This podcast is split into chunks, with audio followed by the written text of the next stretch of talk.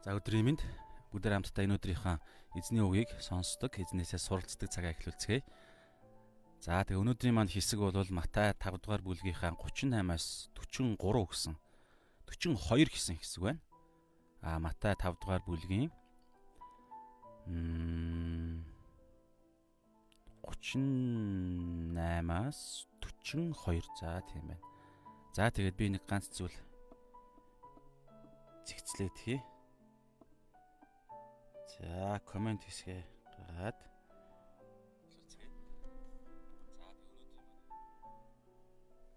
За бүгдээр хамтдаа залбираад тэгээд эзэндээ ариун сүнсэндээ даатгаад энэ цагийг өөрсдийнхөө оюун бодол гэхээсээ илүүгээр сүнс рүүгээ эхэлж хандаад тэгээд тэндээсээ оюун бодлоо шинчилдэг тэр хаанчлалын хуулийн дагуу бүгдээр хамтдаа энэ цагийг эзэн рүүгээ хандцгаая. Бор хоолны төлөө эзнийг сонсцгоё. За хамт залбирцгаая. Эзэн бурхан минь би таньда талархаж байна. Энэ цагийн төлөө эзэн гадаа хавар болж эзэн та бидний итгэлийн амьдралд ч гэсэн өдрөөс өдөрт та бидэнд итгэл найдварыг бодиттой болгон харуулсаар байгаа учраас баярлалаа эзэн минь. Аава тэгээд бид итгэлийн энхөө Тэнгэрийн хаанчлалын амьдралаар амьдарч байхад таны үгийг буруу ойлгосноос болж эзэн итгэлийн амьдралыг эзэн минь заримдаа хит хүн дээр эсвэл бид чад бидний хувьд яг одоогийн бидний хувьд боломжгүй мэтэр харах үе байдаг эзэн. Яагаад ингэж харж байгаа гэвэл эзэн минь бид төвлөрөх ёстой зүйл дээрээ төвлөрөхгүй байгаа учраас л эдгээр зүйлсүүд байна. Харагдаж байна эзэн минь.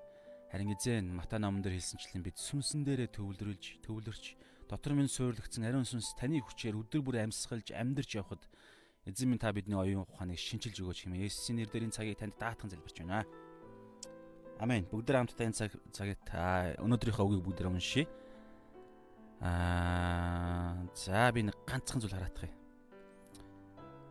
За энийг дээшлүүлэх хэрэгтэй байгаа юм аа. За одоо гिचгээр арай гоё байгаад байгаа. За. За бүгдээр уншия. Матай 5-ын 38-аас 42. За ингээд шууд уншихаас өмнө би газ нэг юм хам сэдв аа яг юу уншиж руу юу руу орох гэж байна бүгдээрээ гэж товчхон би нэг хэлээд хий.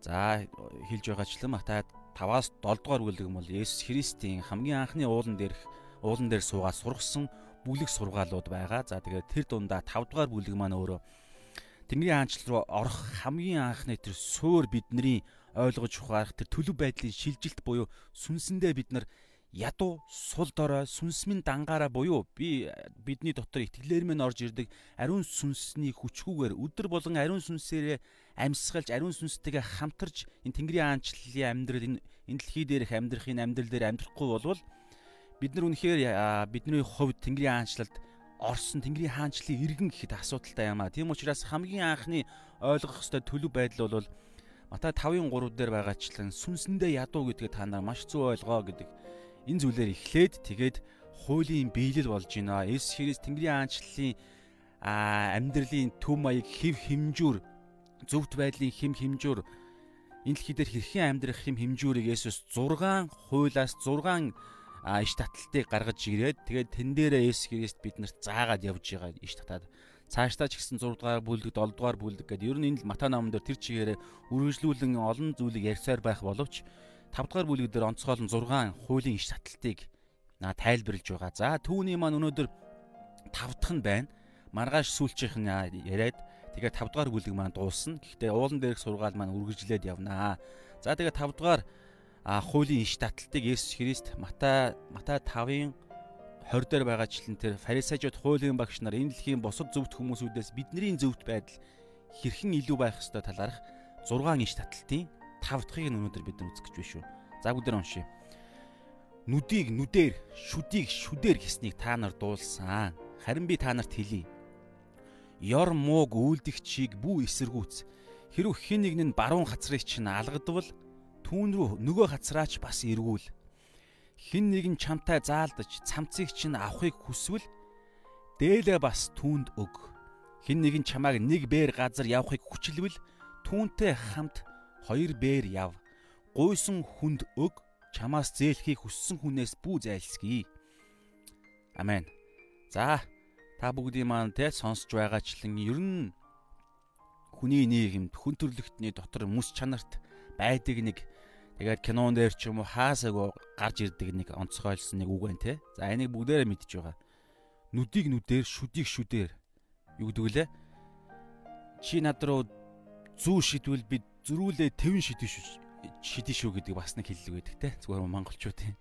Эсвэл хар ярианы хэллэг чинь болов те. За айж байгаа агаар нэг юм хэллэг байгаа юм. Нүдийг манд сохлох юм бол би айдлах нүдийг чинь сохлоо шүү. Шүдийг минь цөм зөхвөл би эргээ цөм зөхөн шүү. Гэс нэг тиймэрхүү санаа байна. За энэ бол хуулинд байдаг үг байна.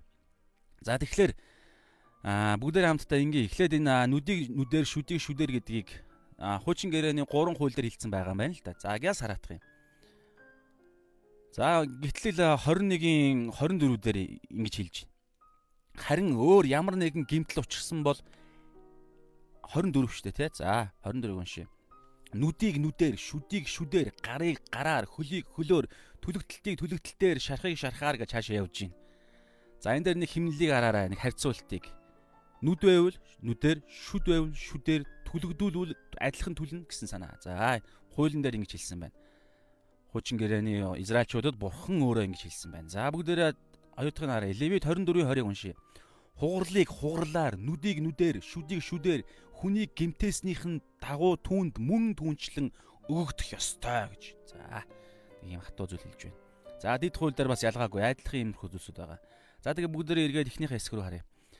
Гиснийг та нар дуулсан Есүс хэлж байна. За бүгдээрээ эн чин тавдхан штэ. Хуулийг яаж хэрхэн Есүс Христийн тэр ариун сүнсээр буюу Тэнгэрийн аанчлалын тэр сүнслэг зөвхт байдал фарисеучуд хуулийн багш нар энэ дэлхийн нийгэм шүүх тогтолцоо шударгасын тогтолцооны тэр хим хэмжүүрээс хэрхэн Тэнгэрийн аанчлалын ард иргэд хэрхэн зөвхт байдлыг өндөр түвшинд илүү байх ёстой вэ гэдгийг 6 инч таталтын 5 дахьыг нь явж байгаа шүү. Өмнөхийг нь танаа санаж байгаах те. Юу вэ? Хүн алж ижил алга болчлоо гэж энэ дэлхий үздэг болвол бас хуучин гэрэн дээр хэлдэг байсан болвол шин гэрээ буюу Тэнгэрийн хаанчлал дээр юу гэж юм хүн алах тэр бодол сэтлэн зүрхэнд үзэн ядалт уур хин хилэн би болох үед л хүн өөрөө өөрийгөө би хүн алчлаа гэж шууд гимшээд эзэн дээр эргээд тэр үрийг шууд байхгүй болгоод гимшээд Христийн аа тэр золиостой нэгдээд аа тэр тэ нэгүслэр тэр зөв төгдөх тэр зүйлийг хийгээд үйл болохоос наан нь бодол уур хилэн төрөнгүүтэл шууд тэр үед бид нэр гим нүглийг байхгүй болгож чаддаг. Тэр агуу гайхалтай зөвхт байдлыг Иесус Христ хамгийн ихнийх нь ярьсан те. За яг иймэрхүү баягаар дараагаар нь юу ярьлаа? Завхаар л ярьсан, хоёрдугаарт нь, гуравдугаарт нь гэр бүл салалт ярьсан те. Дөрөвдүгээрт нь хуурам мэхлэх, тангарах, тангарлах те. Худлууг хэлэхгүй байх, үннээрээ байхсан дөрөвдүгээрт нь, тавдугаарт нь өнөөдөр хариу өгөх талаар, хариуцлага тооцох талаар, хариу өгөх талаар. Чи намайг тэгсэн юм чинь гэсэн нэг тим амьдралын нөхцөл байдалд хуучин гэрээний хууль энэ хүн төрлөختөн хүний байглаасаа ерийн зан хараагт ерийн одоо юу гэдэг ердийн амьдралын шудраг байдал бол юу хэлж байна. Өнөөдөр чи миний а хураг чигчийн ураг хугалвал шудраг ёсороо байгалийн жамаараа бас хуучин гэрээнд ч гэсэн бурхан яг ингэж ингэх ёстой гэж хэлсэн ийм шудраг байдлыг хим хэмжээг өгсөн нь адилхан би чиний ураг гэж хугалж ижлийн шудраг байсан. Чи намайг гимтээсэн би адилхан гимтэн гэсэндээ тиймэрхүү юм уг нь хэлж байгаа. А хэлсэн байдаг.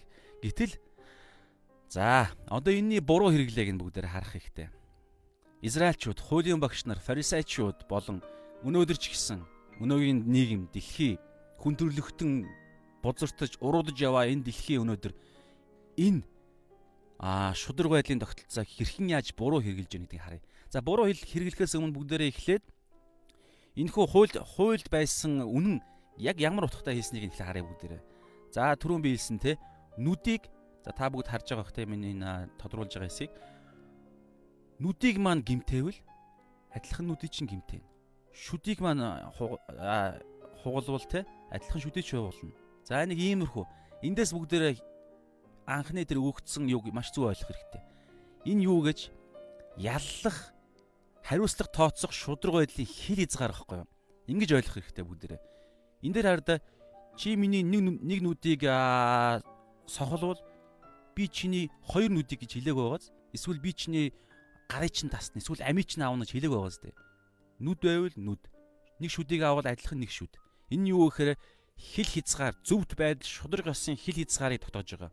Инээс цаашаага бид нар энэ шудраг байдал одоо тухайн үед хууль нь өнөө үед юу гэдэг энэ дэлхийн ертөнц одоо энэ цагдан сэргийлэхтэй шүүх хурал маань яах вэ гэхээр бид нар бүгдээрээ мэдж байгаа та шудраг бус байдал бий байгаад байгаа шүү дээ. Асар их хэд хөрөнгө хулгайлсан хүмүүсүүдтэй эрх мэдэлтнүүд нь яадаг вүлээ? авилгалаар эсвэл маш богино хугацаагаар гараад тэгээд эсвэл бол юу гэдгүүлээ өршөөлийн хууль муулийг өөрсдөө зохиогоод гарчдаг. Гэтэл ядуу сул дорой хүмүүс нь яадаг вүлээ? Жохон юм хулгаалаад жохон юм би бол дамаа дайны үед энэ дэлхийн түүхэнд хүн төрлөختний түүхэнд ийм шудраг ус байдал асар их болж исэн те. Дайны үед үс сангасан үедээ дэлгүүрээс үр хүүхэд нь өгч байгаа үр хүүхэд нь яраа хүүхдийн төлөө далах хулгаалаад тэгээ гол нь баригдсан. Тэгээд тэрнийхээ төлөө шоронд ордог, багдгүй амиа алддаг хүмүүс байсан байх. Гэтэл баячууд нь яадаг вүлээ бүр асар их авилгал аимшигтай юм хийдэг. Яг энэ үед бурхан юу гэж хэлж байна?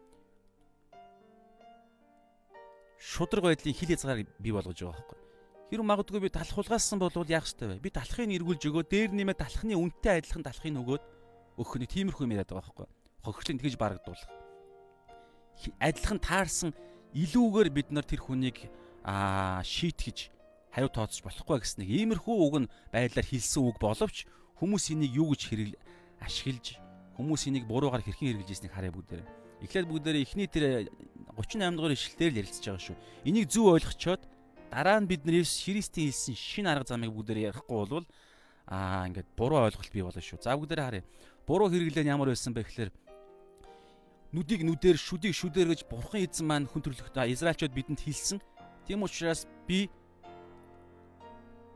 нөгөө өшөө авах хувь хүн өөрийнхөө өшөө авах тэр хүслээ бурханы хууль надад ингэж зөвшөөрж гинэ гэж ингэж тайлаад тэгээд хариу өшөө авдаг байсан байгаа тухайн хүмүүсүүд.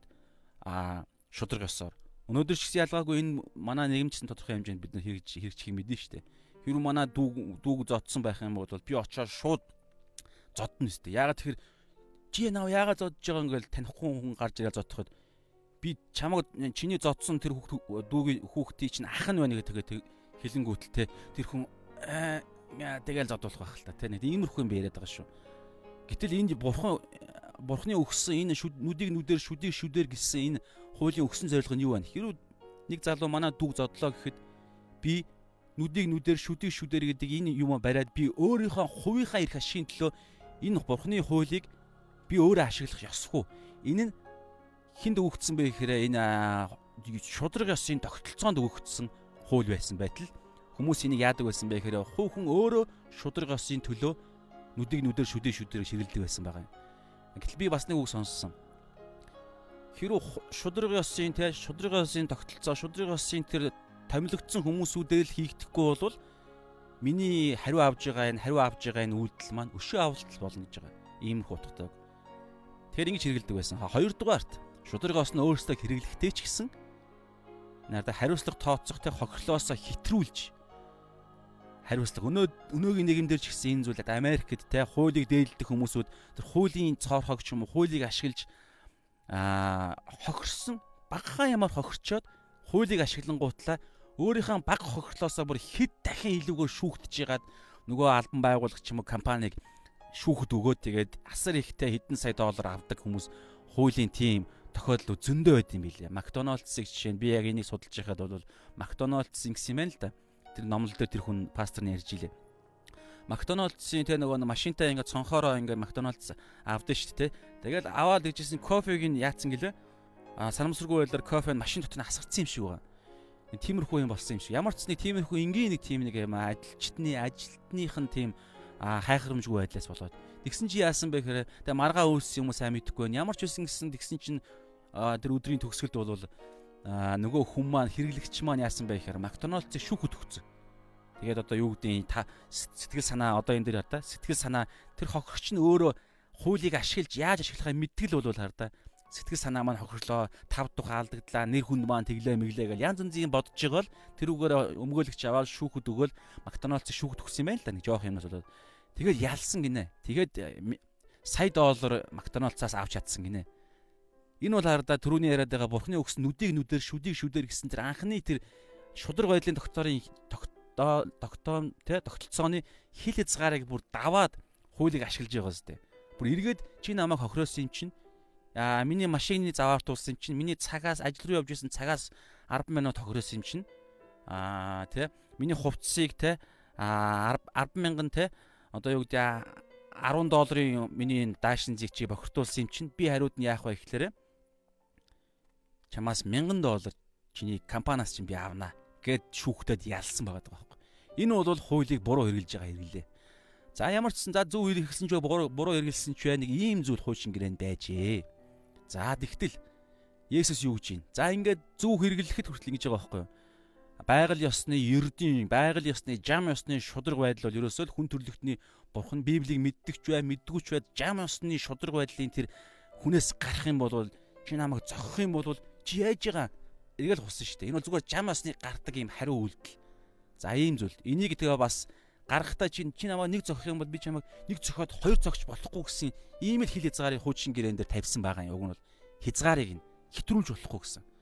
За тэгвэл энэ хувь хүн өөрөө биш.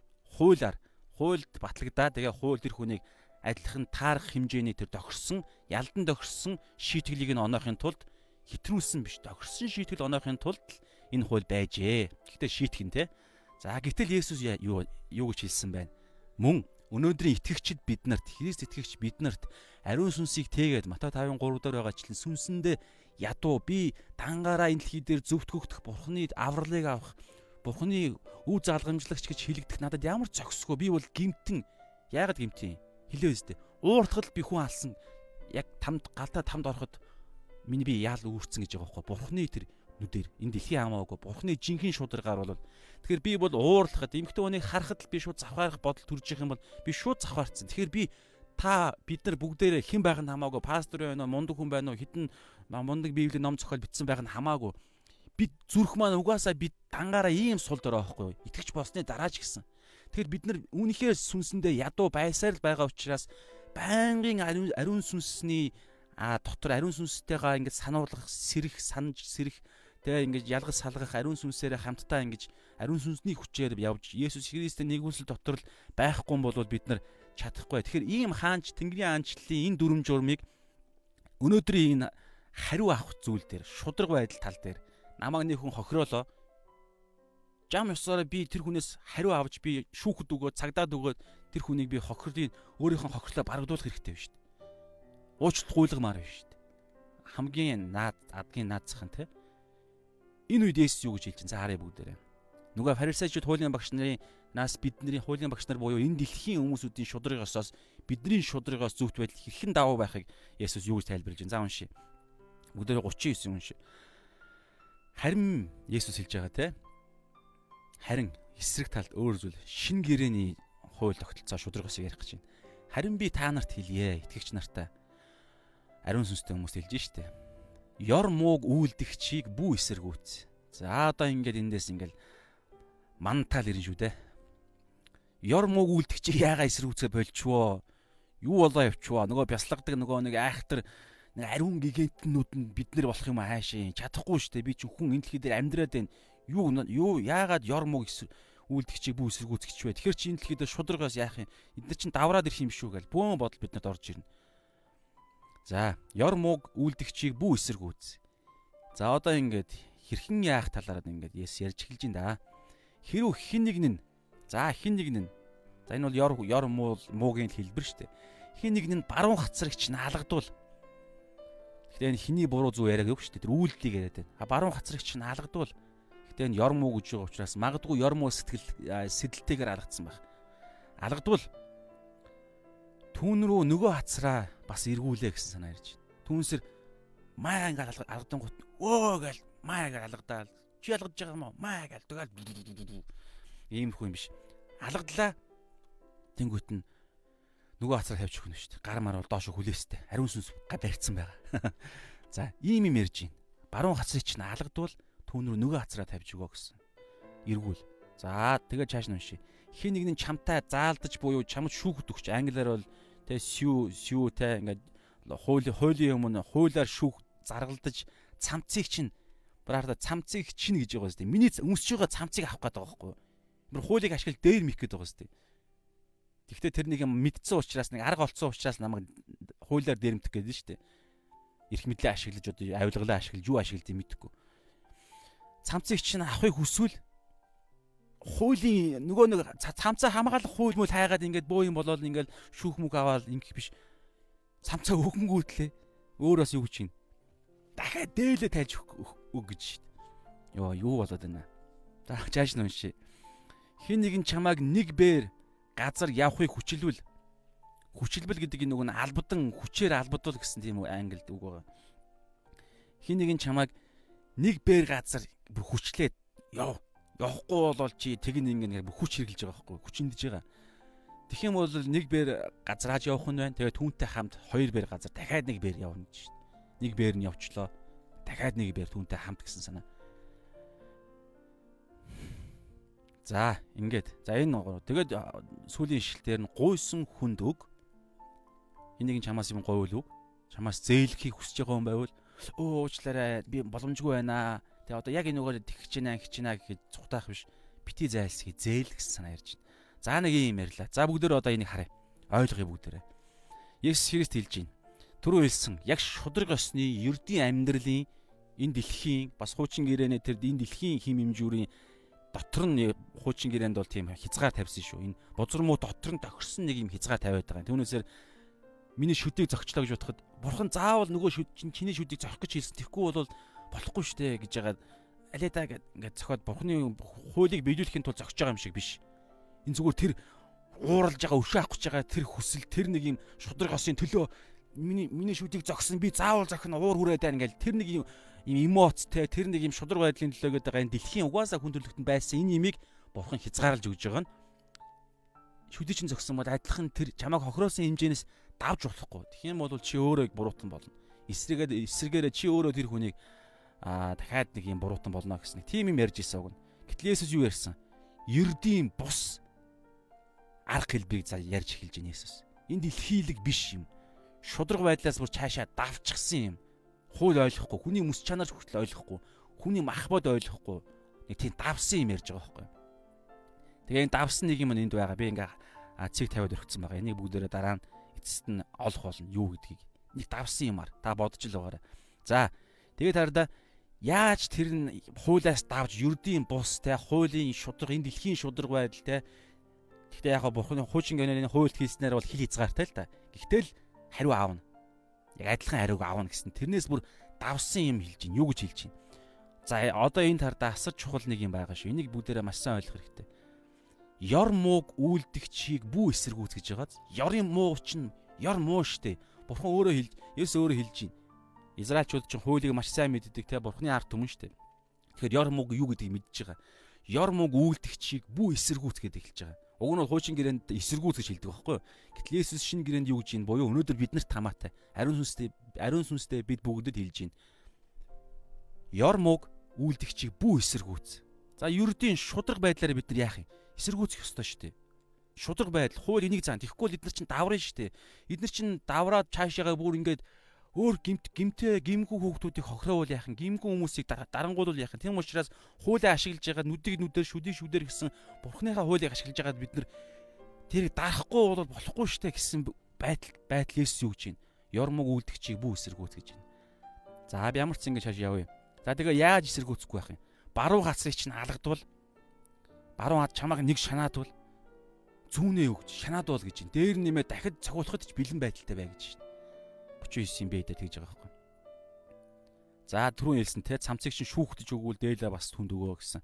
Нэг мэл явахыг хүсвэл ингэнэ тэгнэ гэсэн те. За одоо энэ үед бүгдээ энийг ойлгох хичээл л да. Нэг зүйлийг бүгдээ бодох хэрэгтэй. Энэ одоо бид нар ингээ Библи судлахдаа яг ингээ дангаараа уншчихвал биднэрт хариулт олдохгүй. Өчигдөр би ярьсан те Библи хэрхэн судалдаг талаар Бурхны үгийг хэрхэн ойлгох талаар бид нар ямар энэ бодлын бодлын энэ цуврал, бодлын хэлхээ, бодлын гинжин урвал, энэ номлолын энэ харилцан яриа энэ гинжин урвал ямар сэдв дотор явж байгаа вэ? Дөрөв би хэлсэн те. А өчигдөр би хэлжсэн 10 үг ярихад 10 үгийн дуусч ижил би тэр 10 үгээр илэрхийлэх гээд байгаа тэр а гэсэн санааг ойлгоно гэхээс биш 5 үгийг нь би сонсчоод өнөөдөр л харалтаа энэ 6 үгний энэ тавтхан штэ. Өмнөх дөрвөө бид нар юу ярьж байнаас ямар дөрвөн юм ярьж байгаа дундаа өнөөдөр тав дахь нь яригдж байгаа байлаа. Энийгээ бид нар ойлгохгүй бол бид нар ойлгохгүй гэсэн. Өмнө юу ярьлаа бид нар би түрүүн хэлсэндээ эхэнд нь хамгийн эхлээр 5 дугаар бүлгийн 1-р эшлэл аа ерөөлттэй те 3 дугаар ишлэлээс сүнсэндээ ядуус ерөөлтэй гэж эхэлж байгаа. Сүнсэндээ ядуус ерөөлтэй гэдэг. Тэндээс эхэлж байгаа. Тэгээ цаашингуутлаа цаашатлаагаа цаашаалаад юу гэж байгаа вэ Есүс? Хуулийн биелэл бол би юм аа гэж ярьж байгаа. Тэгээд ингээд тэр фарисеучуудын зөвхт байдлаас илүү байх зөвхт байдал ариун сүнсүүгээр эдгээр боломжгүй байхгүй. Тэгэхээр өнөөдөр бид бид нар энийг ойлгохын тулд юу ойлгох вэ гэхээр бид нар хэн бэ гэдгийг ойлгох хэрэгтэй. Бүгдээр энийг уншил та. Харин би та нарт гэж байгаа юм зү. Энэ та нар гэдэг дотор чи асар том юм байгаа. Энэ ардаа зүгээр дэлхийн хүмүүсийн боломжгүй байхгүй да. Хуучин гэрээний фарисеучуд ч боломжгүй учраас тэд нар энэс давж чадаагүй. Есүс давах юм яриад байна. Тэгэнгүүтлээ дэлхийн хүмүүс харь үндэстнүүд одоо энэ зүгээр хамгийн сайн хуультай байсан ч тэдгээр арт түмэнд энэ боломжгүй юм Есүс яриад байгаа шүү. Энийг маш сайн ойлгоорой.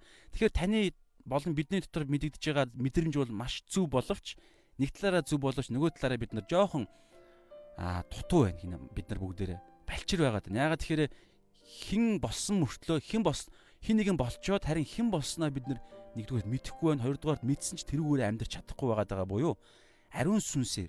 Тэгээд зүгээр ариун сүнсээр ингээл мэдрэмжгүй зориггүй дотор байгаа шудраг байхыг шудраг бузар мууг шудрагыг шуд ингээд шудраг байдлыг тогтоох гэсэн тэр хүслээ зүгээр л албаар өхүүлээл ингээл нэг юм шашинлаг юм нэг юм хийсвэр амьдралаар амьдр гэдэг байгаа биш байхгүй юу? Одоо бүгдээрээ ойлгоё. За бүгдээрээ нэг зүйлийг наан мэд хэрэгтэй. Одоо бүгдээрээ энийг ойлгохын тулд юу вэ гэхээр та бурхныг хайр гэдэгт гэдгийг та мэдж байгаа тий. Хуучин гэрээнд та бурхныг шудраг гэдгийг мэдж байгаа. Тэрийг та бидний түрүүх харсан шүү дээ. Хамгийн ихний ишлэлээр шүд нүдийг нүдээр шүдийг шүдээр маш шудраг юм ярьж байгаа зү.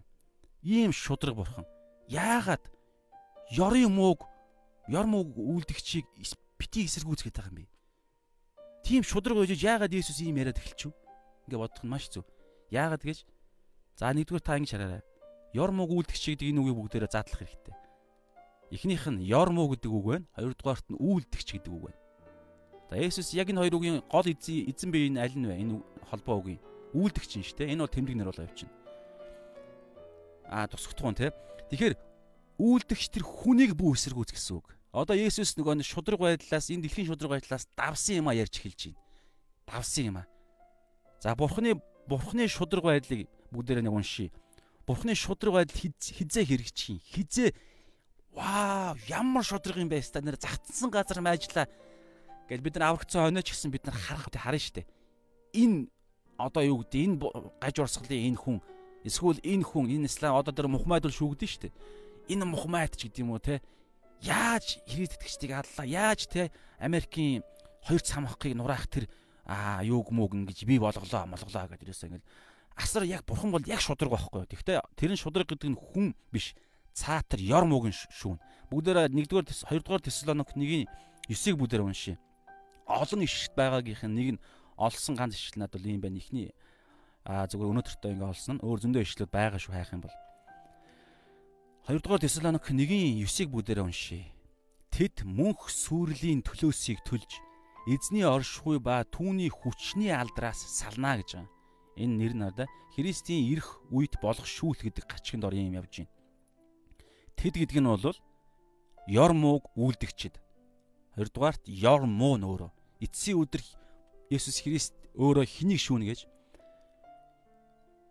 а сайн мэдээ сонсоог сонсоод итгээгүй итгэхгүй Тэ? Тэгээд гмийн асуудлаа шийдэж чадаагүй хүмүүс байна. Мэдсээр байж, сонсоор байж бурхныг эсэргүүцсэн хүмүүс байна. Хүмүүс ярьж байгаа шүү.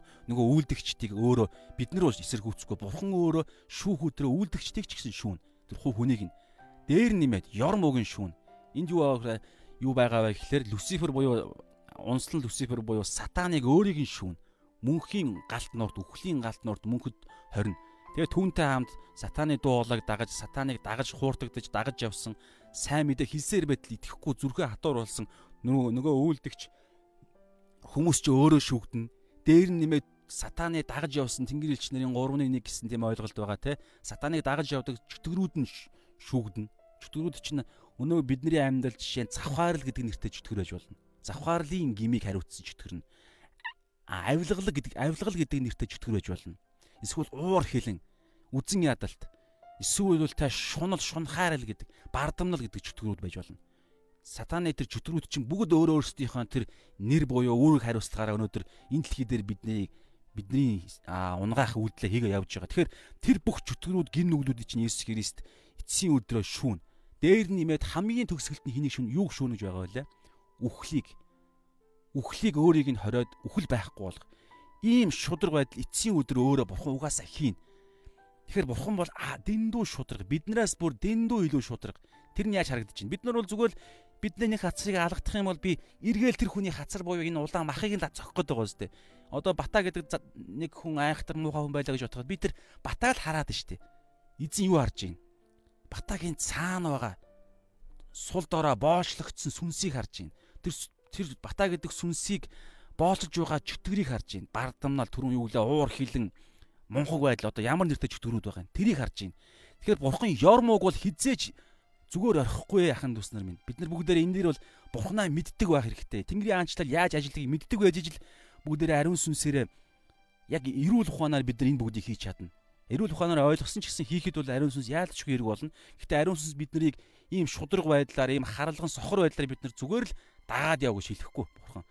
Ягаад тэгэхээр бид нар чинь бусдад бас заах, Есүсийн заасныг Есүсийн заасныг бид нар бусдад дагалдуулах, заах үүрэгтэй учраас тайлбарлах хэрэгтэй болно шүү дээ. Ягаад аа ээж аавын маань алсан тэр алуурчныг буушлах хэвээр ингээл хүүхэд бол орилно шүү дээ угаасаа. Энд чинь үнэн шүү дээ. Гэтэл бид нар юу заах хэвээр вэ? Бурхны шудраг байдлыг одоо ярьж байгаа нь. Тэгэхээр Бидний хувьд тэгээд бүү эсэргүүц гэдгийг хинт хэлсэн Есүс. 39 бүгдээр харъя л да. Та нар гэж байгаа зү. Бурхан бурхан одоо юу гэдэг юм гурвлаар бурхан өөрөө өөртөө хэлээгүй. Ариун сүнс тэнгэр элч нарт хэлээгүй. Энэ хүн танд ч хэлсэн. Тэгэхээр бид нар бидний бидний эсэргүүцэх шаардлагагүй.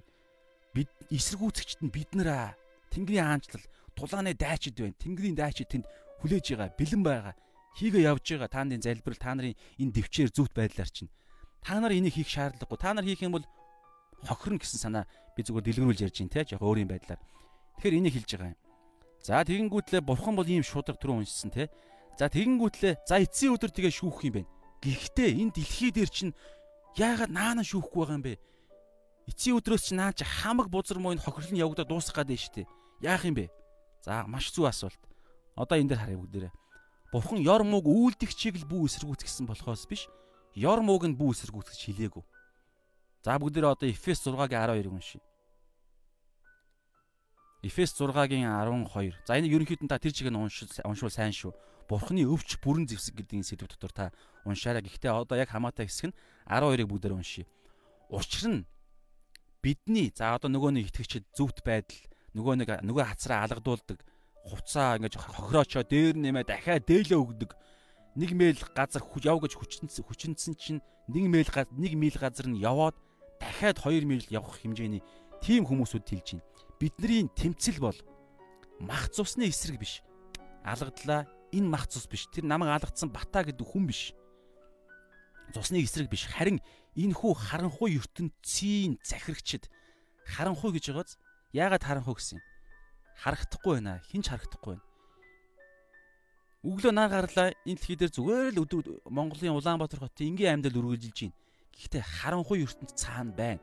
Юу байгаа юм? Сүнслэг ертөнцид авилгачдыг энэ дэлхийн алуурчдыг одоо энэ тэнд байгаа энэ дэлхийн гимт хэрэгтнүүдийг гудамжинд байгаа гимт хэрэгтнүүдийг миний утсыг дээрэмдсэн хүнийг э, тэ хүүхэд хүчинцэн дээр бузар муу хүмүүсүүдийг зөвхөн Монгол дээр бол гад дэлхийд дахнаар ярил аимшигтай гимт хэрэг хийдэг хүмүүс бүгд байгаа. Эний чинь цаана байгаа харанхуй ертөнцийн захирагчд гэдэг чинь түрүү ярьсан чөтгөрүүд сатан гим нүгэл чинь цаана захирагчд байхгүй. Бурхан ёрмог бурхан бид нарыг дагалдагч итгэгчтэй энийг эсэргүүцэж хэлж байгаа байхгүй.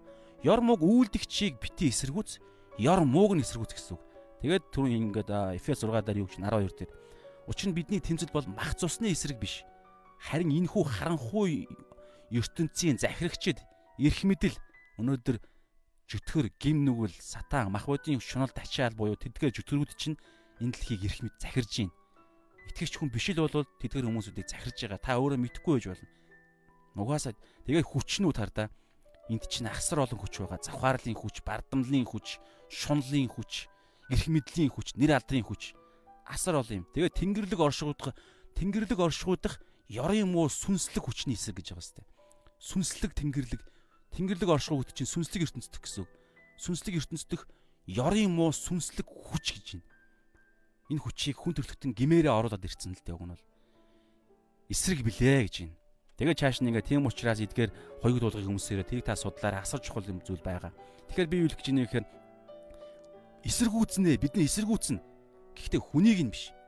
Цаад ёр муу сүнслэг тэр бузар муу цамхаг боссон өндөрлөгийг бид нар эсэргүүцнэ. Яаж юм? За залбирал мэлдэ залбирал байна. Эсэргүүцэж байгаа тэр сүнслэг сайн мэдээ тараалтууд байгаа. Эднэр явж гин те. Гэхдээ нэг асар чухал. Одоо энд байгаа би энэ дээр хараа. Юрдийн юрдийн бус те шудраг байдлаас давсан тэр зүйл чи юу юм бэ гэдгийг одоо энд би хитэн цэг тавьсан байгааз энийг одоо бүгдээрээ олъё. Нэг зүйл байгаа хамгийн чухал нэг зүйл л залбиралтай тэтгэр зүйл байж болно. Тэд чи угаасаа гадах хэлбэрүүд нь. Гэхдээ хамгийн зүйл чухал нэг зүйл чинь л өнөөдөр ёс бус үйлдэгч хүнийг нь хүнийг биш цаана байгаа ёрын буугийг нь устгах тийм нэг хүчтэй нэг л зүйл байгаа. Бүгдээрээ 1-р Петр 2-ын 23 эхлэх харна дараа нь дахиад нэг ишлэл харна л да. 1-р Петр 2-ын 23-ыг бүгдээр харъя. 1-р Петр 2-ын 23 За одоо энэ дээр хараа Есүс Христийн талаар гарч байгаа шүү. Христийн зовлонгийн жишээ.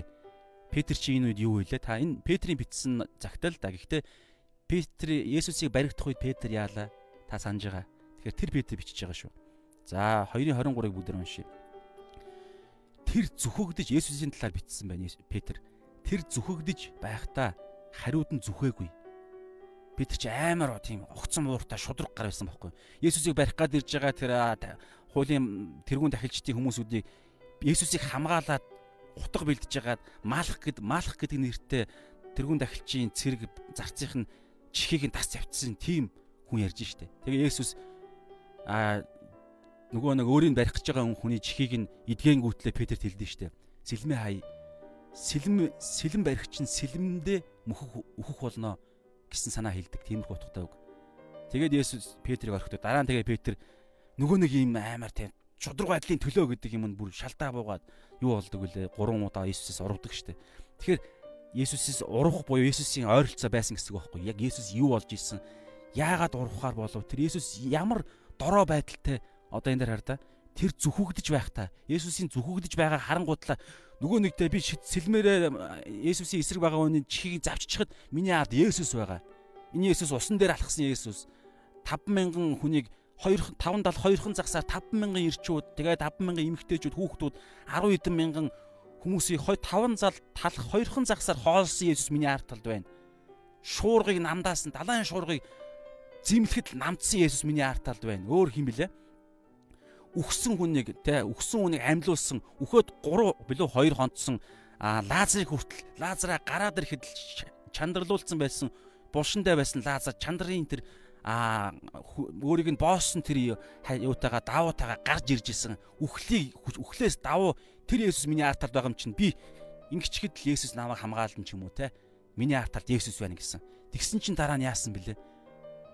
А чимээгүй Петр Есүсийг Петр дагаа явж исэн чинь Есүс тэрүүн дахилчтэй дахилчийн а хашаанд нь ингээд хоригдоод маргааш яллагдахдаа аллагдахдаа аллагдахаа хүлээгээд байгаа нядлагдах гэж буюу хураг мэт. Ямар дорой байгааг Есүс Петр харсан байхгүй тэр зүхэгдэж байхдаа хариуд нь зүхээгүй. Тэр зовонд харчилж байхдаа те занал хийлээгүй шударгаа шүүд тэгээ яг энэ үед Петр яасан бэхээр тийм дорой байгаа харангуутлаа энэ нөгөө нэг Петри чинь а Есүсийн дагалдагч нь энэ биш үү? Петр биш үү гэх тэнгууд үгүй үгүй би Есүсийг дагаагүй гэд айжсэн Петр аахгүй. Яагаад айсан? Нөгөө миний ард байгаа мундаг хүн чинь яана танаа намаа хамгаалахгүй юм байна. Энэ миний бодоод идсэн тэнгэр нөгөө нэг Израильчүүдийн хаанчл биш вэ? Тэгэхээр би амиа бодъё гэсэн байдлаар 3 удаа Есүсээс урвсан байхгүй. Тэгээ гэхдээ энийг нь урд нь Есүс Петрт хэлсэн л дээ. Яг өмнөх өдөр нь чи дахиад онготхоос өмнө 3 удаа намайг үүсгэнэ гэж хэлдэг. Ингэж хэлээгүйсэн бол магадгүй Петр шууд итгэлээ хаях байсан байж магадгүй. Гэхдээ тэр илчлэл түүний зүрхийг нь цөм зохиж үүлүүлсэн. Яасан бэ гэхээр яалаа. Яг 3 дахь удаага үгүйсгээл би танихгүй аа гэж эргэж харах үед дахиад онгоддог. Тэг тэр үед Есүсийн хэлсэн илчлэлт буюу аа энэ зүхөгдөж байгаа чинь тэгээ зовонд ашиглаж байхдаа занал хийлээгүй чинь зоригтой юм байна. Есүс мэдчихсэн юм байна гэсэн тэр тэгээд намайг урахыг ч мэдчихсэн юм байна гэдэг тэр агуу сүр жавхлангийн юр бусын одоо энэ дэр хилээд байгаа тэр шудраг байдлаас бүр давчгсан тэр юр бусын зүйлийг Есүс Петр тэрхэн хитгэн секундын дотор мэдрээд нөгөө нэг гимшлийг сүнсэндээ ядуу Матай 5-ын 3 3-ын сүнсэндээ ядуугаа ойлгоод бүр хинч биш гэдгийг ойлгоод яг гараад гимшдэг. Харин Юдаас энийг ойлгож чадаагүй амиа орлдог. За ийм зүйл болсон. Петр ингэж хичээлж гин те. Есүсийн талаар тэр зүхэгдэж байхдаа хариуд нь зүхээгүй. За энийг таараарай. Хэрв шудраг ёсоор бол хүн төрлөختний хуулаар бол Есүс буруу юм хийгээгүй байхад тэднийг зүгчихэхэд хуучин гэрээнийхээ хуулаар ч гэсэн хариуд нь зүхэх ёстой шүү дээ. Нүдийг нүдээр зүгж байгаа бол адилхан зүгэх ёстой. Хүн төрлөختний цаад инстинкт те тэр төрлөх зүүн совн тэгнэ. Хариуд нь зүгэх ёстой. Тэгтэл Есүс зүхээгүй. Одоо энийхээ биднээс та нар тэгж амьдрах амьдрнаа гэдэг тэр хим хэмжүүрээ өөрөө яаж амьдрсныг нь Петр гэрчилж байна. Хариуд зүхээгүй. Тэр зовж тарчилж буюу те түүнийг яалаа ташуурцсан 40 39 жилөө 40 удаа ташуурцсан толгойд нь үргэс титэм угуулсан тэр ташуур нь ямар амар юм байла. Яаж ясан гартал түүнийг ташуудл ташуурдлаа, нүлэмлээ, түүнийг чанаадлаа, зөглөө, нүлэмлээ, шүлсэн аялаа. Тэр зовн тарчилж байхдаа занал хийлээгүй гэж байгаа сте. Занал хийлэх ёстой штэ. Хуулиндаач тэгж байна штэ гитлэл дээрээ тэгж хэлээ үст. Нүдийг нүдээр шүдийг шүдээр гарыг гараар гэж байгаа юм чинь юу шийгээгүй Есүсийг ямар ч хэмгүй байхад тэгээд тэд нар хардаа шүүхийн хуулиар ороход Есүсийг баталж чадаагүй байхгүй? Ганц ч гим нүглийг нь баталж чадаагүй. Хуулийн асар өндөр мэдлэгтэй хүмүүс баталж чадаагүй. Тэгээ худал хуурамгаар Есүсийг шүүсэн. Тэгэхээр аа Петр Тэгэхээр занл хийлээгүй харин Есүс яаж ийн? Одоо бидний хийх юмыг ярьж байна манай хараарай. Гэхдээ одоо энэ дунд юу болсон тэр нэг аргыг нь Есүс ингэх чадвар нь Есүс байсан нэг юм байгаа шүү. Тэр зүйл өнөөдөр ариун сүнсээр дамжуул биднэрт өгөгдсөн байгаа. Тэгэхээр тэр одоо би хэлэхгүй яваад байна л да. Тэр зүйлийн хүчээр Есүс харин яасан байна? Харин шударгаар шүүдэг нэгэнд буюу Бурхан Аав да өөрийгөө Есүстэй томор бичсэндээ өөрийгөө даатгасаар байлаа.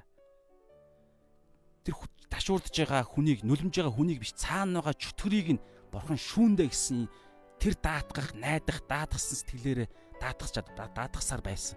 Харин тэр дашуурдж байгаа хүнийг яагаад Иесус занал хийлээгүй, хариуд нь зүхээгүй. За энийг бүгдээ одоо нөгөө юм чин дотор байгаа л да. Агапе гэдэг зүйл. Агапе гэдэг зүйл, хайр гэдэг зүйл чинь энэ нэг юм хийсвэр романтик юм шиг боловч би эрос хайр яриаггүй шүү. Пле пле хайр яриаггүй. Өөр бас ямар хайр байгаа вэ? Та мэдж байгаа дөрвөн хайр байгааг ярьдаг те. Тэрний агапе хайр хариу нэгтэггүй хүний биш хүнээс гарах боломжгүй зөвхөн бурханд бурханы мөн чанарт хариалагддаг тэр хайр хэвгүй. Энэ хайр чи агуу хүчтэй. Бүх бодиттой хүч яриад биш би зүгээр мэдрэмж яриаггүй, эмоц яриаггүй. Тэр агуу хайраар энэ бүгдийг хийж чадсан. Тэгээ бодиттой чөтгөрийг нөгөө хорон муу ёр муу гэж ялч чадсан байхгүй. Тэгээ бид нар ч гэсэн өнөөдөр тэр хайраар үргэлжлүүлэн бид нар намайг дээрэмдсэн, намайг хууль барьж миний би жишээ ярьж шүү Миний орон байрыг хуулиар заргалдаж намайг орон байргүй болгосон охин дүүг минь ээж аавыг минь ч юм уу зодсон модсон магадгүй алсан тохиолдолд ч гэсэн би бүр байж болох ёрмуу үйлдэгч миний амьдралд үйлдэхэд би итгэж хүний хувьд ярьж байгаа шүү дээ. Тэгэхэд тэр үйлдэж байгаа хүнийг нь хайрлж байгаа байхгүй. Тэгээ бүгдээр Йохан 3:16 17 уншия. Одоо энэ дээр Есүс Христийн дэлхий дээр ирсэн нөгөө агапа хайраа тэгээд ирсэн зорилго нь бурхан ертөнцийг энэ ертөнц гэдэг чи хин юм? Хүмүүс шүү. Түүнээсээ энэ ертөнцид байгаа ёр муу чөтгөрүүдийг хилээгүй шүү. Хүмүүсийг ярьж байна. Ёр мууг нь бол харин яах нь одоо 17 дээр гарч байна. А цаашаа байгаа. Бурхан ертөнцид байгаа хүмүүсүүдийг гэж ойлгож болно. Үнэхээр их хайрлсандаа цорын ганц хүүгээ Есүсээ өгсөн. Тэр хайраасаа болж хүүн ирсэн гэсэн үг. Тийм учраас хүүд нь итгэдэг, тэр хайранд итгэдэг, ирсэн зоригод нь итгэдэг. Тэр хайр нь яахыг яахад итгэдэг. Тэр нь яах юм? Тэр хайраараа бид нарыг аварсан шүү дээ нэгүсэл. Тэр авралд итгэдэг бүхэн мөхөхгүй харин мөнх амьтай болох юм аа. За 17 уншия. Учир нь одоо энэ дээр хараа да. Учир нь бурхан ертөнцид байгаа хүмүүсийг гэж ойлгож байна шүү. Хүмүүсийг яллахын тулд бус. Яллахын тулд биш гэж байгааз Уг нь яллах ёстой боловч яллахын тулд биш харин түүгээр дамжуулан ертөнцид байгаа хүмүүсийг аврахын тулд хүүгээ ертөнцид илгээсэн юм аа гэсэн үг. Тэгэхээр тэр хайр. Тэгэхээр бузар мууг агапел ялж чадна. Хар санааг хайраар л ялж чадна гэсэн юм. Тэгээд тэр хайрын дотор ч юу байгаа? Юу биднэрт өгөгдсөн бэ? итгэл өгөгдсөн. Түрүү энд ярьсан те. ертөнцийг үнэхээр хайрлсан тул цорын ганц хүүгээ өгсөн тул хүүд нь итгэдэг. Энэ итгэл чинь л энэ бүх энэ түрүүний яриад байгаа өнөөдөр яриад байгаа энэ 6 жишээ энэ амьдрал дээр хэрэгжүүлэхэд фарисеучуудын хуулийн багш фарисеучуудын зүвт байдлаас хэрхэн яаж давуу байх юм? Одоо энэ дэлхий дээр байгаа мундаг мундаг зүвт байдлаа хэрэгжүүлж чадж байгаа итгэгч биш юм өртлөө тэр агуу хүмүүсүүдээс бид нар яаж илүү байж чадах юм?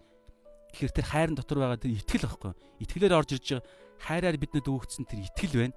Тэг юунд итгэх юм гэхээр нэгүсэлд, өршөөл нэгүсэлд.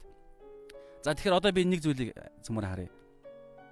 Яаж тэгвэл энэ ардаа энэ хоёр чинь хамт яваад байгаа шүү дээ. Ёр муу чин дангаараа ивэртэй нөгөө нэг энэ сэрэгээ барьчаа чөтгөр чи ингээд гадуур яваад байвал нэг ондоо харагдахгүй шүү дээ. Түрүүн хэлсэн Эфес дээр харанхуйн хүч гэсэн шүү дээ. Сүнслэг тэнгэрлэг тэнгэрт орших тэр сүнслэг ертөнцид оршиж байгаа. Гэтэл энэ дэлхий дээр яг бодиттой харагдаж байгаа юм нь бодиттой мах бод байгаад шүү дээ. Яг бата намайг алгадлаа шүү дээ. Бата намайг шанаадлаа. Бата миний дүүг зодлоо. Тэгэхээр би яах юм бэ? Яаж тэр чөтгөрийг нь би бата би чамаа нэрэ ингэчмээр тэгэхээр даан чөтгөр чи харагдахгүй байна л да гэх юм уу? Яах юм бэ одоо? Юу яриад байгаа юм бэ Есүс?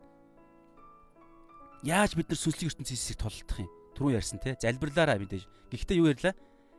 Есүс Христийн тэр агапе хайр хайр байсан учраас Есүс энэ Петрийн энд үед занал хийлэг байхгүй тэр батаг миний дүү зодсон намайг алгацсан намайг чана чанаатсан хуулийг ашиглаж намайг дээрэмдсэн аа тэ тэр хүнийг Есүс тараада хариуд нь зүхээгүй байгаа яаж зүхээгүй юм бэ гэхээр хайр нь байсан. За одоо энэ дээр бүгдээрээ хэрэгжүүлэлт рүү орно. Аа гаргаж ирсэн хэрэгжүүлэлт нь юу вэ гэхээр За би жишээгээр нэг бата гэдэг хүн зохиоц яриад байгаа шүү дээ. Тэгэхээр бата гэдэг тэр хүн намайг яг бодтой ёр муугаар нанд руу намайг хохироолоо.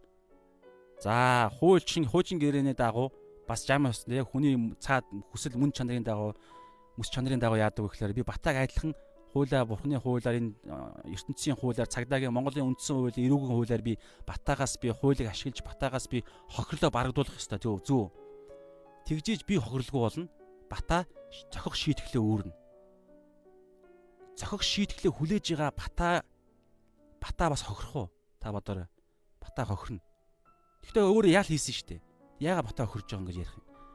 Ял хийлгсэн нь үндэ бата биш байхгүй. Батагийн цаана байгаа чөтгөр, тэр уур, тэр шунал, тэр завхаарлын тэр хүслийг бий болгосон тэр завхаарл гэдэг нэртэй чөтгөр нь батаг түрүүн хэлсэн шүү дээ. Эрх мэдлгээд байгаа шин тэр байхгүй. Батагийг цахирж байгаа байхгүй Тэгээ батаг гим хийлгэж байгаа. Тэгэхээр би нэг за яах вэ мэдчихлээ. Итгэж бид нар мэдчихлээ. Тэгээ би яах юм батаг? Уучлах юм бол үргэлжлүүлээд батаг ингээл яагаал яв. Юу гэдэм бэ? А шоронд хийсэн ч гэсэн ингээл тэр хохирол тэгэл ингээл батаа хохирол магадгүй тэгэл цаазлуулдаг ч юм уу тохирсон гим цааз байж харах юм бол цаазлуулаад дуусна. Гэтэл батлагийн сүнс нь хохирж байгаа. Тэгэхээр Есүс юу гэлээ? Йохан 3:16 дээр би энэ ертөнцийг ертөнцид байгаа хүмүүсийг гимтнүүд шүү дээ бүгд. ертөнцид байгаа батааг гимт хэрэгтэн батааг аврахын тулд бурхан хүүгээ өгсөн. Ялахын тулд биш хэлсэн шүү дээ. Тэгэхээр Есүс Христийн сүнс бидний дотор байгаа юм чинь бид нар яах вэ гэхлээр батааг яллах гэдэг хичнээн шудраг осын үед би батааг яллах ёстой байсан ч би батаагаас ял асууж болохгүй байхгүй. Харин Есүс оронд нь бид нарыг Есүс яа юу гэж хэлж байна? Яа гэж хэлж байна? Базар баруун хацрыг чинь алгадвал зүүнээ эргүүлж өгөх тэр зүйл чи юу юм бэ? Хайр байхгүй да. Есүсийн нөгөө хийсэн юм За тэгвэл ямар тийм нэг юм романтик хийс юм хийсвэр юм шашинлаг юм яриад хэллээ. Сүбтэй юм. Гэхдээ эн чинь тийм биш. Цаана утга учиртай. Бата намайг алгадлаа. Нэг хүн за хинч үедээ намайг алгадлаа. Би алгадуулчаад тэр хүн ардаа би амар за би бата байлаа гэж бодоход асар уурлаад би уурлаад би инхтэй гэдэг хүнийг алгадан гуутлаа. Тэр үедээ та хин нэгнийг та зогч исэн алгадж исэн ба та эргээд санах гэж оролдорой.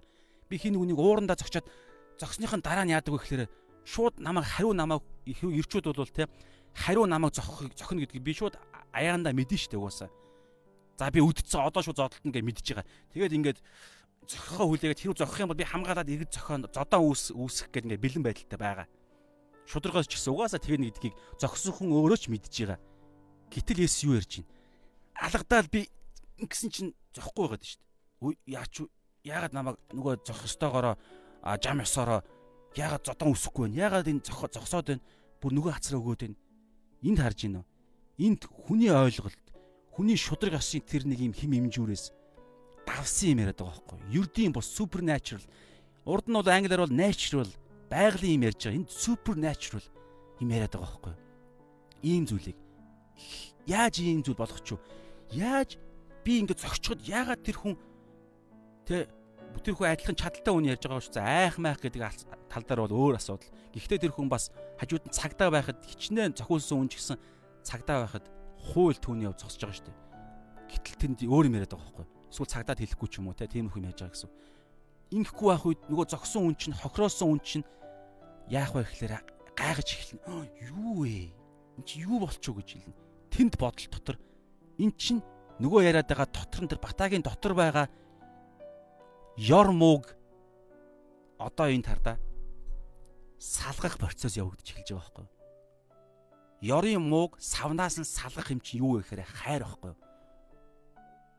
Хар одоо католиктэр бид нар ярьдаг дээ. Католикийн янз янзын юм тэгэхээр exorcism гэдэг чөтгөр шүглсэн хүмүүсүүдийг те ингээд кино манон дээр бол ингээд загалмаа барьж мараад ингээд те залбирч малбираад чөтгөрийг нь салгадаг дээ чөтгөр нь гараад бөө юм болж байгаа л ингээл одоо нисч мисэл ор мортойгоо хөдөлж möдлөөл бөө юм болж байгаа толгойгоо нэргэж имэргээл те.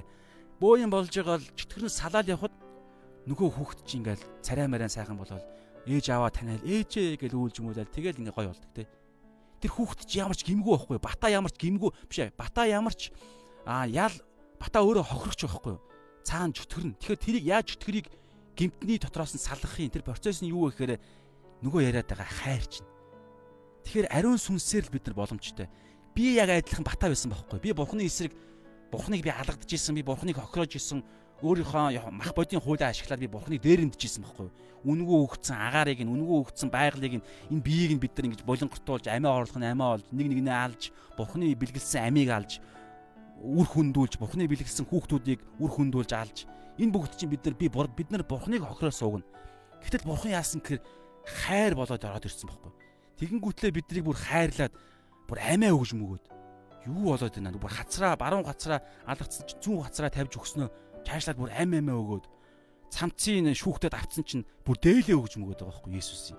Тэгэхээр ийм ийм сүнс ийм Есүсийн сүнс ариун сүнс бидний бидний дотор ороод ирчихсэн учраас бид нар бид нар адилхан бата гэдгээ ойлгох буюу аа энэ бүлэг энэ хамгийн ихэнд байгаа 3 дугаар ишлэлээр байгаа Мата 5-ын 3 дээр байгаа сүнсэндээ ядуу буюу гимтэн гэдгийг ойлгох үед би бид нар би өөрөө тэр бата юм байна гэдгийг ойлгоно. Тэнгүүтлээ би гимтэн байхад бид нар хайр хүсдэггүй байсан гэж юу? Та бодоорой Есүс Христ итгэхээс өмнө та бодоорой ямар нэг юмнаас та хайр хүсдэггүй байсан гэж юу? Ээ та магадгүй ээж аав нь сайхан тэг мундаг ээж аавтай хүн байлаа гэж бодъё. Гэхдээ ээж аав нь асуудалтай магадгүй өнчөө өссөн ээж аав нь зодод занчдаг хүмүүс байлаа гэж бодъё л доо. Гэтэл бид нар ямар нэгэн дээд зүйлээс дээд нэг юм гоё зүйлээс бид нар ямар нэгэн хайр хамгаалал шудраг байдал хүсдэггүй гэж юу? Тэгэхээр яг адилхан бохгүй батгаж гэсэн тийм зүйл хүсэж исэн. Тийм учраас тэгж ойлгоод тэгээд бид нар агапе хайраар агапе хайр чинь хариу нэгтэггүй. А эрос хайр флей хайрууд чинь дандаа тийм хариутай нөхцөлтэй. Эрос бол би зөвхөн ихнэрээ л Ирими хайр штэ. Эсвэл найз охиноо л би хайрлана. Өөр найз охиныг би найз охиноо ихнэрээ хайрладаг шиг би өөр нэг эмэгтэй хайрлаж болохгүй байхгүй. Тэгвэл ий чинь бүр шал утахгүй юм болно. Шууд салах хэрэгтэй болно гэр бүл. Нөгөө завхаар чинь би болно. Аа филе хайр чинь найз нөхдөд хайр нөгөөх нь ямар хайр байгаа лээ эцэг эхийн хайр нэр нь мартчихж. Миний хүүхэд л бол би аав нь хүүхдээ аав хүүхдийн ээж хүүхдийн гэр бүлийн хайраа би хайрлана. Өөр хүүхдийн өөр айлын хүүхдийг би өөрийнхөө хүүхдэд хайрладаг шиг адилхан хайрлаад өөрийнхөө хүүхдэд хайрлахгүй бол тэнд юу болох вэ? Хүүхдээ би өсгөх чадахгүй гэж би цуглааны хүүхдийн цуглааны хүүхдүүдийг би хайрлах юм уу? Илүү хайрлах юм уу? Би хүүхдээ мяа хайр дутуу хайрладаг хүүхдээ би дарангуулдаг, дарамтлагдаг мөртлөө цуглаан дээр очиод би амар гоо аа болох юм уу? Ийм ийм иймэрхүү утгатай юм яриад байгаа шүү. Харин агапе хайр юу ярьж байна? гимтнийг хайрладаг. Хэн байх нь хамаагүй. Миний хүүхэд байна уу, эхнэр байна уу, найз байна уу хамаа байхгүй. Тэр утгаа дайснаа хүртэл хайрладаг хайр яриад байгаа байхгүй агапе хайр чинь. Тэгэхээр тэр хайр чинь хиний дотор зөвхөн байна вэ гэхээр итгэгч биш хүнд энэ хайр яасан ч байх боломжгүй. Бурхан угаасаа тэгж байгаа. Зөвхөн итгэгч хүнд Есүс Христийг амьдралынхаа эзэн болж болгож Есүс Христ надад надад ямар сайн зүйл хийснийг би тэгээ Есүс Христийн сайн дураараа Есүс Христийн боол болж Есүс Христийг амьдралынхаа эзэн болгож байгаа тэр нэг юм гайхалтай энэ үрчлэлийн Бурхны хаанчлалын гэр бүл Бурхны хаанчлалын гэр бүлд ингэж орж байгаа тэр үрчлэлийн сүнсийг л бид нар аваагүй цагт бид нар тэр хайраар хайрлаж чадахгүй. Тэгэхээр энэ дэлхийн ертөнцийн гэр давс болох боломжтой хүмүүс нь хэн бэ? Бид нар байхгүй юу гэнэ. Тэгтээ тэгж чадахгүй байна. Тэгэхээр яа үг вэ? Бид нар фокусаа буруу газараа тавиад байна. Мах бод дээр өөрсдийнх нь оюун ухаан дээр зүгээр дэлхийн шудраг байдлаар бид нар цуглаандаа айж нөхөрлөд байна шүү дээ. Харамсалтай зүйлс асар их байгаа шүү итгэл яхан дүүс нар минь. Би одоо бараг л уйлмаар санагдаж байгаа зүйлс. Юу вэ гэхээр медиа ертөнцид энэ зүйл аймаар гад анзаарэгдэж эхэллээ.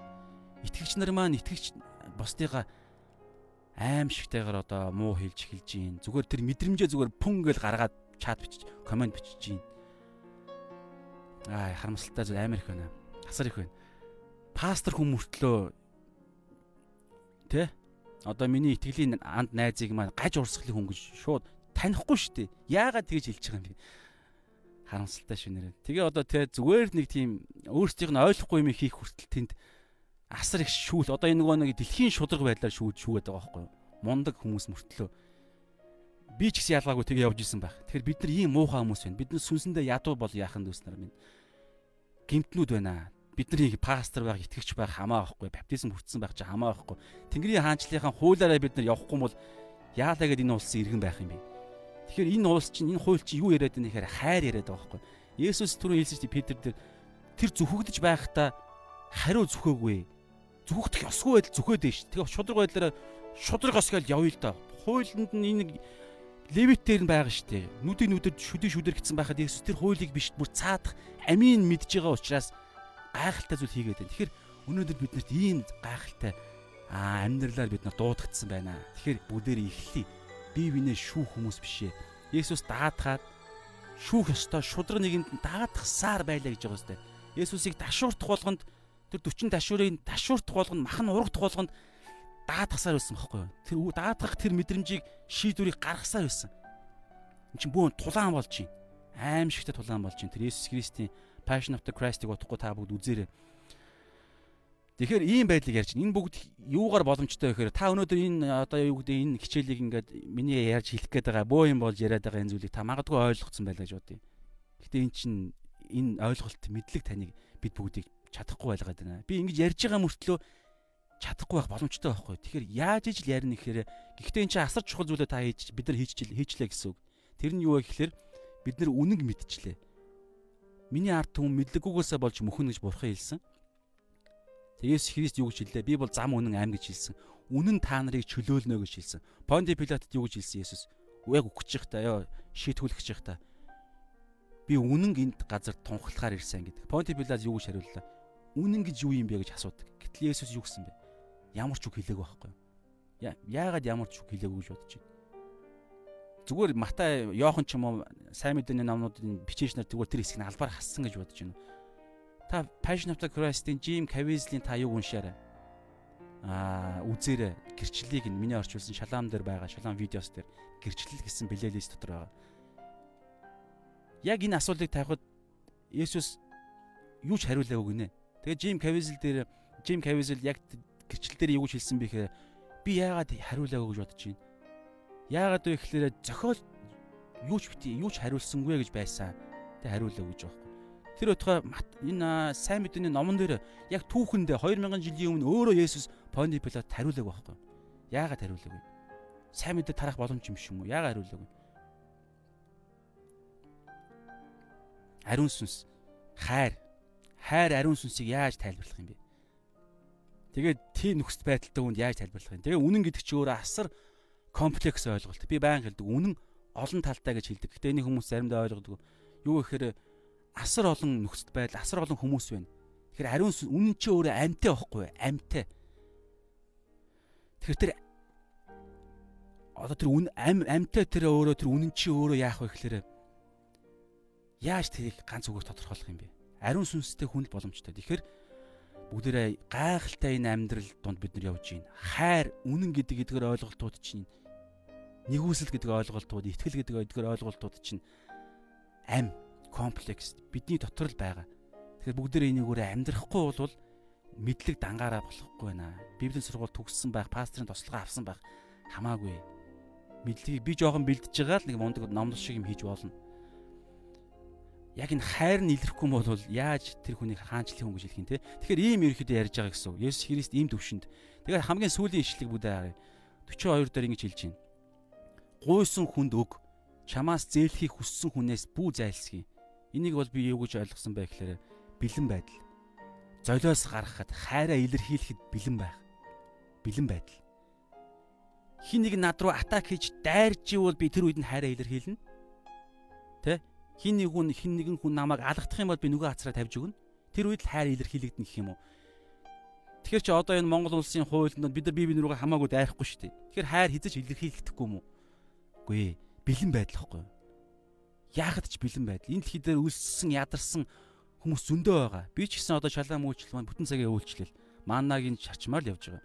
Ялгаа авахгүй бүх дамаа одоо энэ коронавирус үед эдийн засгийн асуудалтай байх үед та хаалгаа нээвэл зүрхээ нээвэл хүнээс та асуулт асуувал өсөж байгаа автобусны мөнгөгүй хоосон танд яг хажууд чинь итгэлийн ахын дүүс нар зөндөө байгаа. Энэ нөгөө хайраа илэрхийлэх бэлэн байдал. Тэгээ хардаа гуйсан хүнд өгөхөд бэлэн байх. Тэгэхээр бид нараас юмтай байх зүйлийг ярьж байгаа шүү. Бид нар та бүгд санал нийлнэ. Итгэж хүмүүс баян байвал сайн гэдгийг дээр Есүс бурхан ч гэсэн санал нэг байгаа гэдэгт би итгэж байна. Гэхдээ баян байх гэж байгаа тэр процесс дунд чинь баян байдал эдийн санхүү ч өөрөө аюултай учраас эхлээд зүрхэндээ та нар асуудлаа шийдэ гэдэг учраас л тэрийг их ярьдаг байхгүй юу? Тийм учраас л Библиэлд хамгийн их ишлэл нь мөнгөний талаар ишлэл байдаг нь тэр хамгийн аюултай учраас л болгоомжтой гэж хэлдэг. Гэтэ болгоомжтой байх байх явцдаа зүрхээ цэвэр байлгах явцдаа бид нар баян болвол ямар гоё вэ? Бид нар хайраа илэрхийлэх боломжтой болох гэдэг шүү дээ. Гэхдээ энэ чинь асуудалтай хэцүү. Бид нар ариун сүнсгүйгээр боломжгүй учраас энэ зүйлийг одоохондоо зүгээр баг мартсан дэр хөдөлмөрлөөл явж ий. Тэгээд цаг нь болох үед угаасаа эзэн биднийг баяжуул, баяжуулах хэрэгтэй бол баяжуулна. Аюулгүй бол эзэн бид нартаа хутга өгч эхэлнэ. Төлөвсөн үед тэгжиж бид нар хутгаар өөрийгөө зүсэхгүй а хоол хийж те бусдад юм сийлж бусдыг баярлуулж бусдыг тижээж эхэлнэ. Тэгэхээр балчир бол бурхан бидэнд хутга өгөхгүй шүү дээ. Мөнгө өгөхгүй гэж би итгэж байна. Яг бурхны хүмүүсийн хувьд. А бурхны хүмүүсийн биш шүү. Биш хүмүүс бол бурхантай бурхангаа би өөрийнхөө хүслээрээ сонголтоор мөнгө хайгаа явна л та. Гэхдээ та бурхны хүн мөн үү биш үү гэдэг чинь л эхний асуулт биш те. Тэгээ зээлхийг хүссэн хүн буюу одоо бүр хараа тий бас айдлахын ерөнхийдөө. Тэгээд бас мөнгөгүй үедээ ч гэсэн бид нар хүнээс зээлхэд а хүн биднээс гуухад өгдөг хэмжээний юм яриад шүү дээ. Есүс ч өөрөө өөрт нь ганцхан айм байсан шүү дээ. Тэр ганц байгаа амиа өөртөл өгөх гэж л ирсэн шүү дээ. Тэгээ бид нар чинь энэ дэлхий дээр бидний юм байхгүй шүү дээ. Энэ дэлхий дээр бид нар эд хөрөнгө мөнгө хураахын тулд амьдарч байгаа биш. Энэ дэлхий дээр яах гэж амьдарч байгаа ганцхан зорилготой шүү дээ. Итгэж хүмүүсийн хувьд ярьж байгаа шүү. Ганцхан зорилготой бид нар энэ дэлхий дээр амьдарч байгаа юм. Юу вэ? Өөр нэг хүний сүнсийг л аврахын тулд шүү дээ. А тэрний тулд та янз бүрийн бид нар хийж байгаа дуудлага мөнгө санхүү эмч мэмч гээл багш магш гээл тэ спорт од болно болно бүгд хийж байгаа. Тэд нар чинь зөвхөн арга нь аахгүй юу? Хэлбэр нь яах гэж байгаа юу хийж байгаа арга юм. Нэг хүний сүнсийг л аврахын тулд яаж гэхээр дотор байгаа чөтгөрийг нь салгана. Яаж салгах юм? Хайраар өнөөдрийн үдснэр бол. Тэгэхээр эдгээр зүйлсүүд ямар ч өнөөдөр биднэрт хэлж чинь тэгэхээр яг зүрх рүү маань бид бүгдийн зүрх рүү орж байгаа орж байгаа гэдэгт үнэхээр бодиттой угаасаа. Тэгэхээр бүгдээр хамтдаа залбир залбирая те. Тэгээд залбирхаас өмнө би энэ хідэн битсэн байгаа зүйлсүүдийг харъя те. За цэгийн баяр гэдэг хүн маань тийм шүү ёстой чухлаа гэж хэлж байна. Батторж бабу үхээд дөрөв хонсон Лазарыг амьлуулсан. Амьлуулсан гинэ. А дөрөв хонсон юм уу те? За ямар ч сан 3 3-ын ойролцоо байгаа. 2 билүү 4 билүү 3 билүү те тэр хавцаа. Тэрийг бол харчаарай. За Аюш Бямба гэдэг хүн маань үзэж байна баярлалаа. Аюш Бямба гэдэг энэ хүн маань ихчлэн байх шиг сайн харагдахгүй. Энэ хүндээ баярлалаа. Байн хамт байгаа. Хамтдаа бүгдээрээ эзнийхээ сонссоор байя. Тэг миний төлөө залбирч өгөөрэй. Энэ цаг дээр байнга зогсож би бас сурмаар байгаа байхгүй өдөр болгон энэ эзний үгээс үгээр би амьдрч яг энэ чимээгүй цагийг бүр амьдралын хөвшил болгомоор байгаа шүү. Тэгээд Батөрч маань бабу маань амиан гэж байна. Эрдэнэ чимэг даа гэдэг хүн туслаад өгөөд байхад байнга авах гээд байгаа хүнийг яаж хайрлах вэ гэж байна те. Харин тийм. Одоо эн чинь ардаа дахиад нөгөө нэг бид нар маань яагаад байгаа гэхээр аа нөгөө хүнийхээ юмар яваад байна л да зүгээр. Тэгээ та ариун сүнс ариун залбирнаа гэж байна. Баярлаа. Цэгээ баяр гэдэг хүндээ. Ариун сүнсний бид нар хардаа харин яг ингээд шудраг энэ дэлхийн шудраг усаар бид нар туслаад байхад одоо болноо.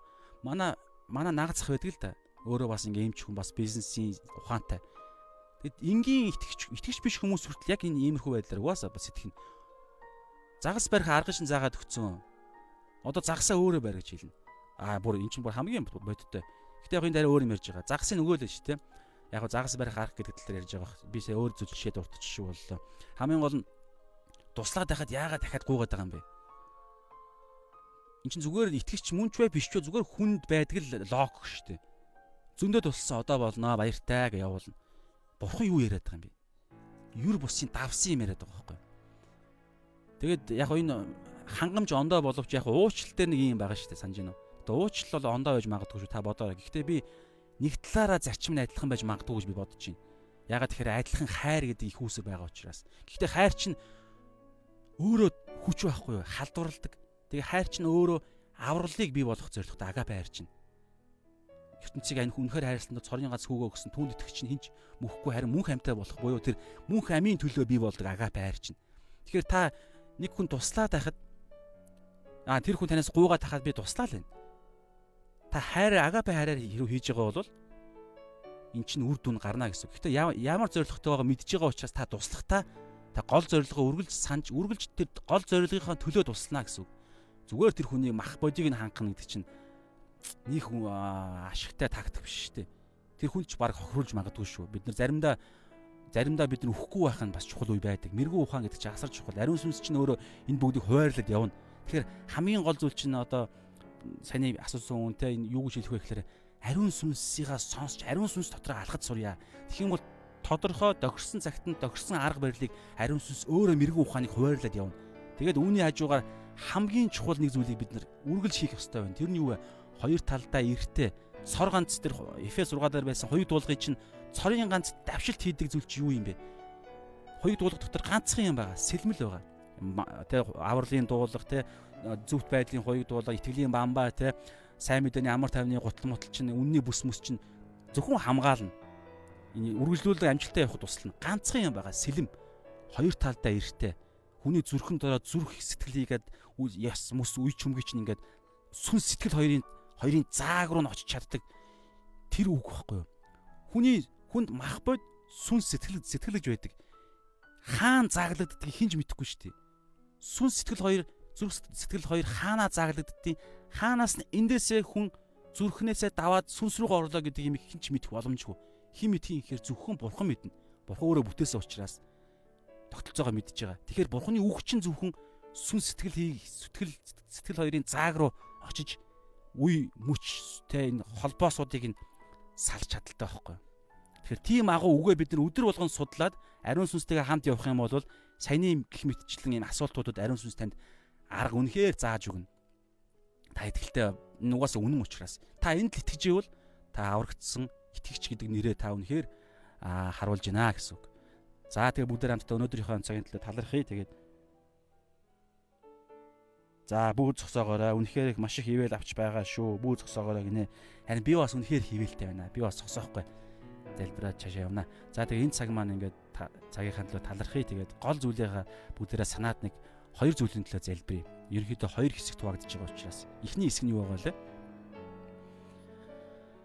Аа